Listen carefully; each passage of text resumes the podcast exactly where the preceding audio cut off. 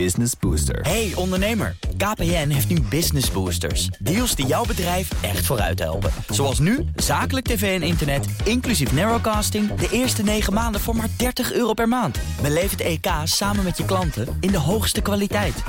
Kijk op kpn.com slash businessbooster. Business Booster. BNR Beurs wordt mede mogelijk gemaakt door Bridge Fund. Make money smile. BNR Nieuwsradio. BNR Beurs. Wesley Weerts en Jochem Visser. Fijn dat je luistert naar de Beursweek op vrijdag 18 augustus. The day after de historische koersval van Adyen. Het aandeel verloor zo'n 40% en bijna 20 miljard euro ging in rook op. Maar de ellende is nog niet voorbij, want vandaag zakt de beurskoers van Adyen nog verder weg. En dat gaan we zo bespreken met onze gast. En vandaag is dat Jean-Paul van het Huisten van Markets Everywhere en analist bij eToro. Straks dus alles over Adyen en dan hebben we het ook over Evergrande. China's grootste vastgoedontwikkelaar vraagt faillissementsbescherming aan in de VS. En dat gebeurt na een recordverlies en gigantische schulden. Maar er was ook ander nieuws, hè Jochem? Jazeker, een van de rijkste Bitcoin-fans trekt de munt omlaag. Maar een keer geen Tesla. Het, Wel fijn. het kwam door SpaceX. De, de Wall Street Journal kreeg een zeldzaam inkijkje in de financiën van dat private bedrijf. En toen bleek dat SpaceX al twee jaar honderden miljoenen afschrijft op zijn bitcoin. Er is ook nieuws over de grootste beursgang van dit jaar, die van chipontwerper ARM. We weten dat die 10 miljard dollar moet gaan opleveren. Maar om die hele operatie in goede banen te leiden, worden maar liefst 28 banken aangesteld. Naast vier hoofdbanken, waaronder Goldman Sachs, worden er ook nog eens 10 andere banken aangesteld en 14 investeringsbanken. In totaal dus 28 stuks. En die moeten die beursgang gaan begeleiden, meldt Bloomberg. Maar Jean-Paul, hoezo zijn er zoveel banken nodig voor deze beursgang? Ja, dat is een goede vraag. Voor Softbank, die het naar de beurs brengt, is dit natuurlijk een hoogtepunt. Uh, ik denk dat ze niemand willen overslaan. Want het is natuurlijk, als je ziet wat er met Nvidia gebeurt, dan is dit het moment om ARM ook naar de beurs te brengen. En ze wilden ook geen bank overslaan. Misschien is dat het, ja. Dat ze dachten van nou, laat iedereen meedoen en zich maar bewijzen hoe goed ze het kunnen plaatsen. Jochem, je had nog iets anders gezien over banken. Ja, de Europese Centrale Bank die gaat een boze brief sturen naar de Italiaanse regering. Uh, gaat natuurlijk om die speciale winstbelasting voor banken. Italië heeft net als een paar andere Europese landen namelijk besloten om de winstexplosie bij banken een beetje te temperen. Maar ja, de ECB is er niet blij mee en levert stevige kritiek in de brief. Want daar staat dat Italië die belasting zomaar opeens invoerde. Zelfs de Italiaanse centrale bank die wist er niet van. En dan schenk je dus toch een berg Europese regels. Jazeker. Dan naar de Chinese vastgoedruis Evergrande. Die vraagt faillissementsbescherming aan in Amerika. Chinese property developer Evergrande Group on Thursday filed for Chapter 50 bankruptcy protection. This is the tip of the iceberg. If government doesn't keep that contained, we, we might be even talking about recession. De projectontwikkelaar die ook actief is buiten China koopt met zware schulden. En met deze stap hoopt Evergrande zijn Amerikaanse bezittingen te kunnen beschermen. Evergrande doet dus een beroep op een zogeheten Chapter 15-procedure. Jean-Paul, wat houdt dat concreet in? Het is bescherming tegen schuldeisers. Om te zorgen dat die niet uh, morgen meteen hun uh, rechten kunnen opeisen. En ze zijn bezig met een herstructureringsplan. Dat is niet nieuw. Want daar zijn ze al twee jaar mee bezig. Zo ja. lang duurt het al. Dat is ook een erg complex probleem. Gaat om uh, 300 miljard dollar aan schuld. Ja, en dit geeft ze dan uh, iets wat lucht. Maar hoezo in Amerika? Omdat daar ook schuldeisers zitten die onder het uh, daar geldende recht dan uh, nu ja, op hun strepen zouden kunnen gaan staan. Maar betekent dit in normaal Nederlands het begin van het einde? Nou, nee, niet echt. Want het is uh, die, die herstructurering, die is al langer bezig. Ik geloof op 28 augustus hebben ze weer een nieuwe onderhandeling met uh, de, de mensen die ertoe doen in Hongkong. Mm -hmm. um, ja, ze proberen een man en macht om van bezittingen af te komen. Er staan een paar van die hele prominente gebouwen in de verkoop. Maar ja, er zijn nog geen kopers voor gevonden. Dus dit is echt een, uh, een, verhaal met een hele lange adem. Als je wil, kan, kunnen we het hier nog maanden, zo niet jaren over hebben. Waarschijnlijk gaan we dat ook wel doen. ben ik bang voor. Maar wat betekent dit eigenlijk voor de activiteiten van Evergrande in China? Nou ja, uh, behalve dat ze, uh, ze gaan door met de, met de dingen die ze moeten doen. Maar voor de rest zijn ze met name bezig met die portefeuille. Kijk, ze kunnen natuurlijk niet elke keer betalingen blijven missen. Ze proberen dat te herstructureren. Ze hebben bijvoorbeeld nog een een unit die houdt zich bezig met elektrische auto's. Uh, zij is nou bezig om een belang te verkopen aan een uh, partij in Dubai. Krijgen ze weer wat cash binnen. En dat is toch uh, de hoofdmoot. Maar uiteindelijk is dat allemaal niet genoeg voor die 300 miljard dollar. Zal je toch echt de Chinese overheid nodig hebben die op een gegeven moment zegt: joh, wij hebben nog uh, 3 biljoen dollar aan reserve staan. we moeten ergens een keer afspreken hoe we dit gaan oplossen om uiteindelijk weer vooruit te komen. Nou ja, de procedure is ook bedoeld om, om, tijd te kopen voor het hele herstelplan. Hè? Maar hoe krijg je eigenlijk grip op een schuldenberg van meer dan 300 miljard dollar in totaal? Ja, dat is niet makkelijk. En zeker niet als je weet dat er nog andere partijen. We hebben natuurlijk nu ook eh, Country Garden. Die komt zich uh, melden. Het probleem is groter dan alleen Evergrande. Dus wat ik zeg, je hebt echt de Chinese overheid nodig uh, om daar een rol in te spelen. Om daar uiteindelijk vooruit te komen. Maar die moet dan mee gaan betalen of hoe moet dat eruit gaan zien? Ja, meebetalen. Uh, er is in ieder geval, ja, ik, ik hou niet voor mogelijk dat Evergrande binnen afzienbare tijd 300 miljard uit de markt haalt. Uh, dus de, de overheid moet met name zorgen dat er op een gegeven moment weer vertrouwen komt op die vastgoedmarkt. En hoe doe je dat? Dat er mensen, nou ja, door te laten zien dat je er toch een soort uh, poetoptie onder legt. Dat je zegt van, weet je, als het, als het nog lager gaat dan hier. Uh, dan kopen wij het wel. Ja. Maar ja, uh, of dat punt al bereikt is, daar lijkt het op dit moment nog niet op. Maar 28 augustus krijgen we daar dan weer nieuws van. In deze week werd dus, je noemde het net al, dat Country Garden. Dat kwam deze week uh, ook in het nieuws. Omdat ze de rente op twee leningen niet op tijd konden betalen. Nou, ze hebben een paar weken de tijd nu doen ze dat niet, ja, dan zijn ze officieel, worden ze aangemerkt als wanbetaler. Maar wat als het ook daar tot grotere problemen en misschien wel een faillissement komt? Wat betekent dat voor die Chinese vastgoedmarkt, maar vooral ook voor die Chinese economie? Want die heeft hier ook onder te lijden. Ja, die heeft eronder te lijden, met name ook door de onzekerheid. En je ziet natuurlijk uh, aan allerlei macro-economische data de groei al afnemen en andere indicatoren natuurlijk uh, op rood staan, zeg maar. Maar wat ik net al zei, kijk, uiteindelijk, het is, het is, er wordt wel gezegd van eh, dat straalt dadelijk over naar andere markten. Naar mijn mening is het echt een, uh, met name een Chinese interne aangelegenheid. Heel veel van die schuld is gefinancierd in de lokale munt. De, de Chinese overheid heeft gewoon heel veel reserves. Dus uiteindelijk kan je er wel uitkomen. De vraag is alleen even wie betaalt wat en wie draait waarvoor op. Maar waarom heeft de Chinese overheid dat nog niet gedaan? Want wat jij zelf net ook al zegt, dit duurt al twee jaar. Nou ja, omdat je natuurlijk niet zomaar iedereen die zegt van joh, ik heb iets niet goed gedaan. Nee, maar dat is niet zomaar uh, iemand. Dit is de kunnen... grootste vastgoedruis van China. Ja, maar er zit nog veel meer uh, achteraan te komen. En uh, ja. er zijn al in de afgelopen jaren, geloof ik, 40% van de vastgoedontwikkelaars is al failliet. Uh, ja. Er moet een soort totaalplan komen. En het lijkt wel een beetje dat ze toch denken van nou, we doen het stukje bij beetje. Ja, Jochem, we gaan het doen. Het cijferseizoen afsluiten. Zo'n beetje alle bedrijven hebben laten zien hoe goed of hoe slecht ze ervoor staan. En Jean-Paul gaat zo meteen onthullen van welke cijfers hij slecht kon slapen. En dan hoor je dus ook alles over het beursdrama bij Adyen. Dat is toch de reden waarom je waarschijnlijk luistert. Maar eerst is het tijd voor. BNR Beurs. De luisteraarsvraag. Met deze keer een vraag over technologie, waar zelfs de CIA zich het hoofd over breekt. Dan heb ik het over de quantumcomputer. Dion wil weten, is dat een hype of kan dat ook een goede lange termijn belegging zijn? Jean-Paul, wat denk jij? Dat is het onderwerp, de verzamelnaam, waar het eigenlijk allemaal om mm -hmm. te doen is. Dat is uh... Oh, ik dacht dat het AI was. Ja, maar daar heb je natuurlijk de quantumcomputers voor nodig. Ah, want die okay. leveren die rekenkracht. Helder, ja. Dus waar praat je hier over? Over hardware, over software, over Nvidia, Microsoft. Ja, is dat een hype? Nee, dat is geen hype.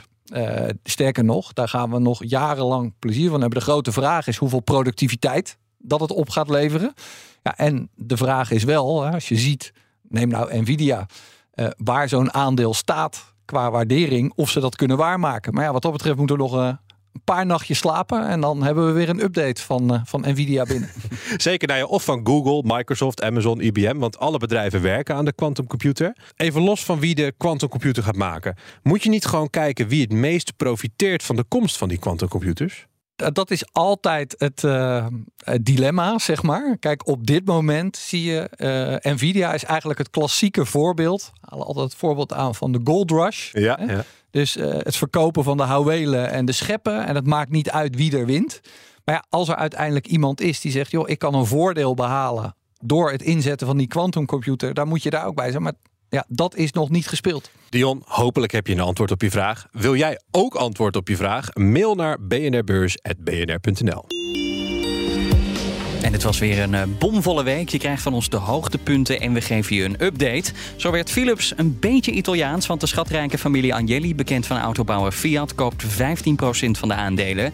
En daarmee is hun investeringsfonds Exor en dus de familie Agnelli in één keer de grootste aandeelhouder van Philips. Maar al snel kwam er felle kritiek op de komst van de Italianen en dan vooral op de manier waarop Exor zich inkocht.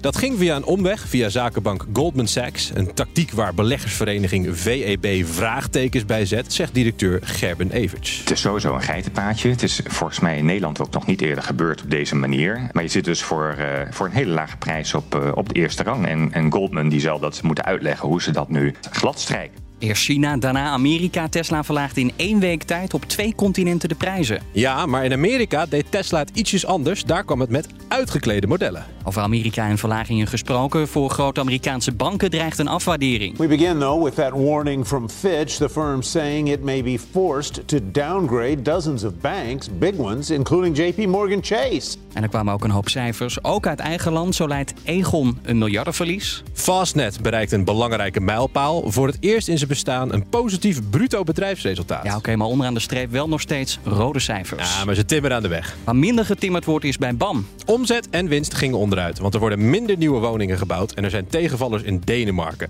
Projecten kampen daar met ontwerpproblemen en kosten reizen de pan uit. Maar de cijfers die de hele beurs opschudden waren die van Adyen. In 20 jaar tijd verloor een AX-bedrijf op één dag niet zoveel aan beurswaarde als Adyen.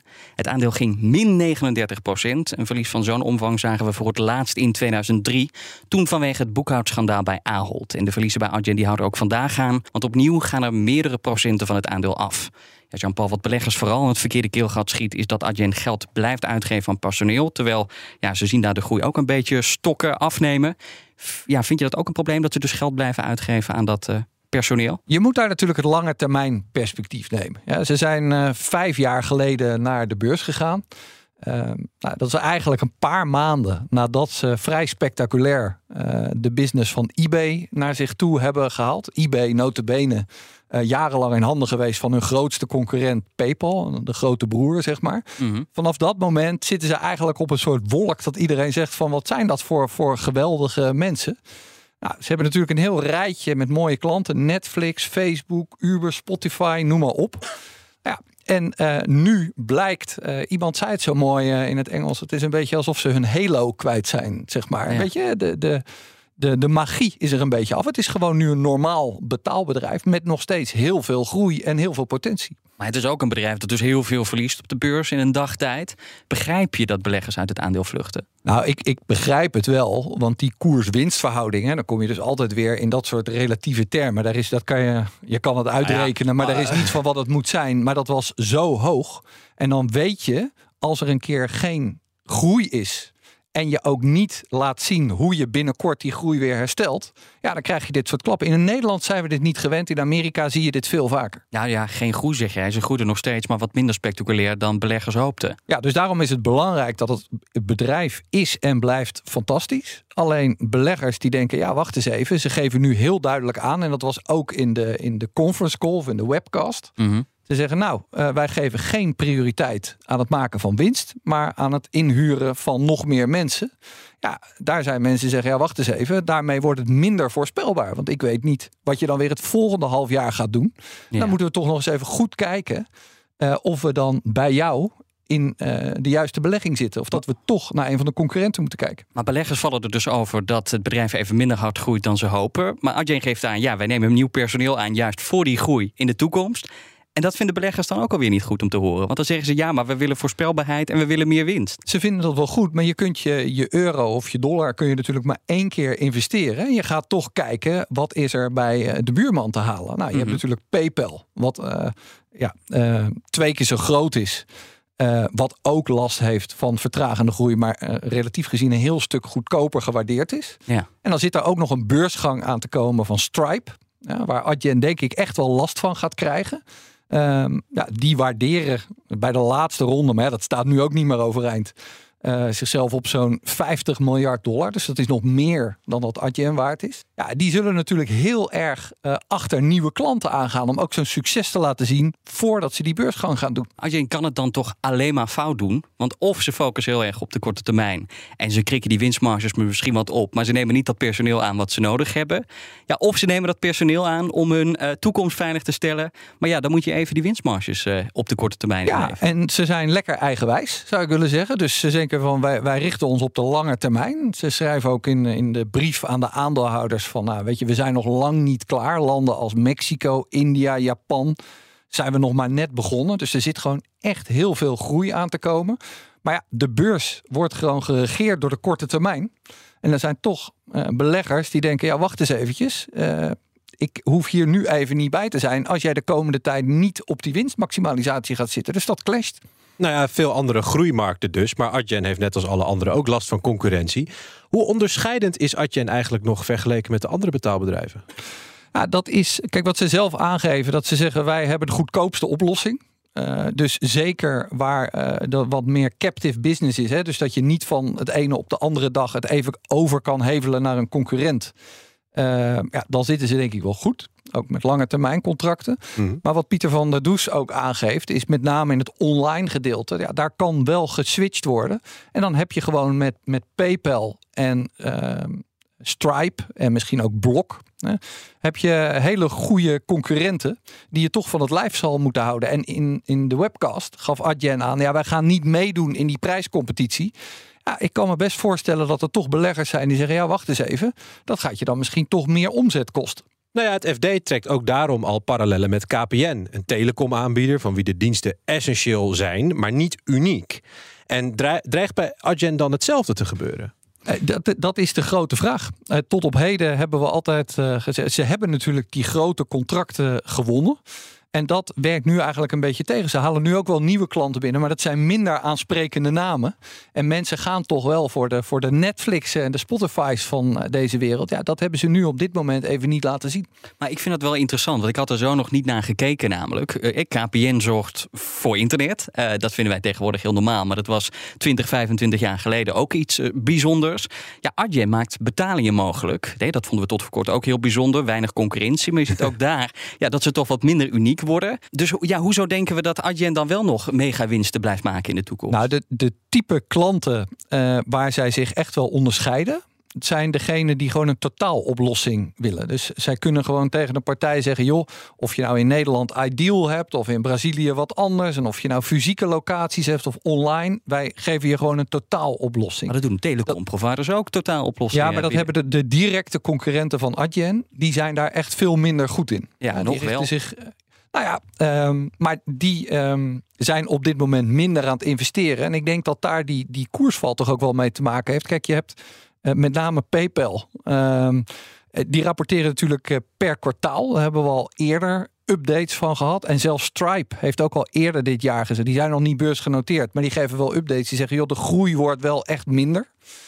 Uh, ja, en bij Adyen horen we over het algemeen niet zoveel. Want ze zeggen gewoon, hè, de verplichting is één keer per half jaar, dan doen we dat. En daardoor kwam het denk ik voor veel mensen toch ook als een verrassing... om het nu voor de eerste keer ook zo uit hun mond te horen. Nou, wat ook wel als verrassing kwam deze week was uh, de man die de kredietcrisis voorspelde, want die liet weer van zich horen. Michael Burry, the investor who crushed it during the great financial crisis as well as the dot-com implosion, revealed that he now has a new big short. Michael Burry voorspelt dat zowel de S&P 500 als de Nasdaq gaan crashen, alle beurzen bij elkaar. Uh, met 1,6 miljard dollar gokt hij op een neergang van Wall Street. Uh, Jean-Paul, waarom is hij negatief? We hebben nu net weer een kwartaalcijferseizoen gehad, wat weer voor de zoveelste keer toch weer wat beter was dan werd gevreesd. Uh, niet dat het nou allemaal florisant is.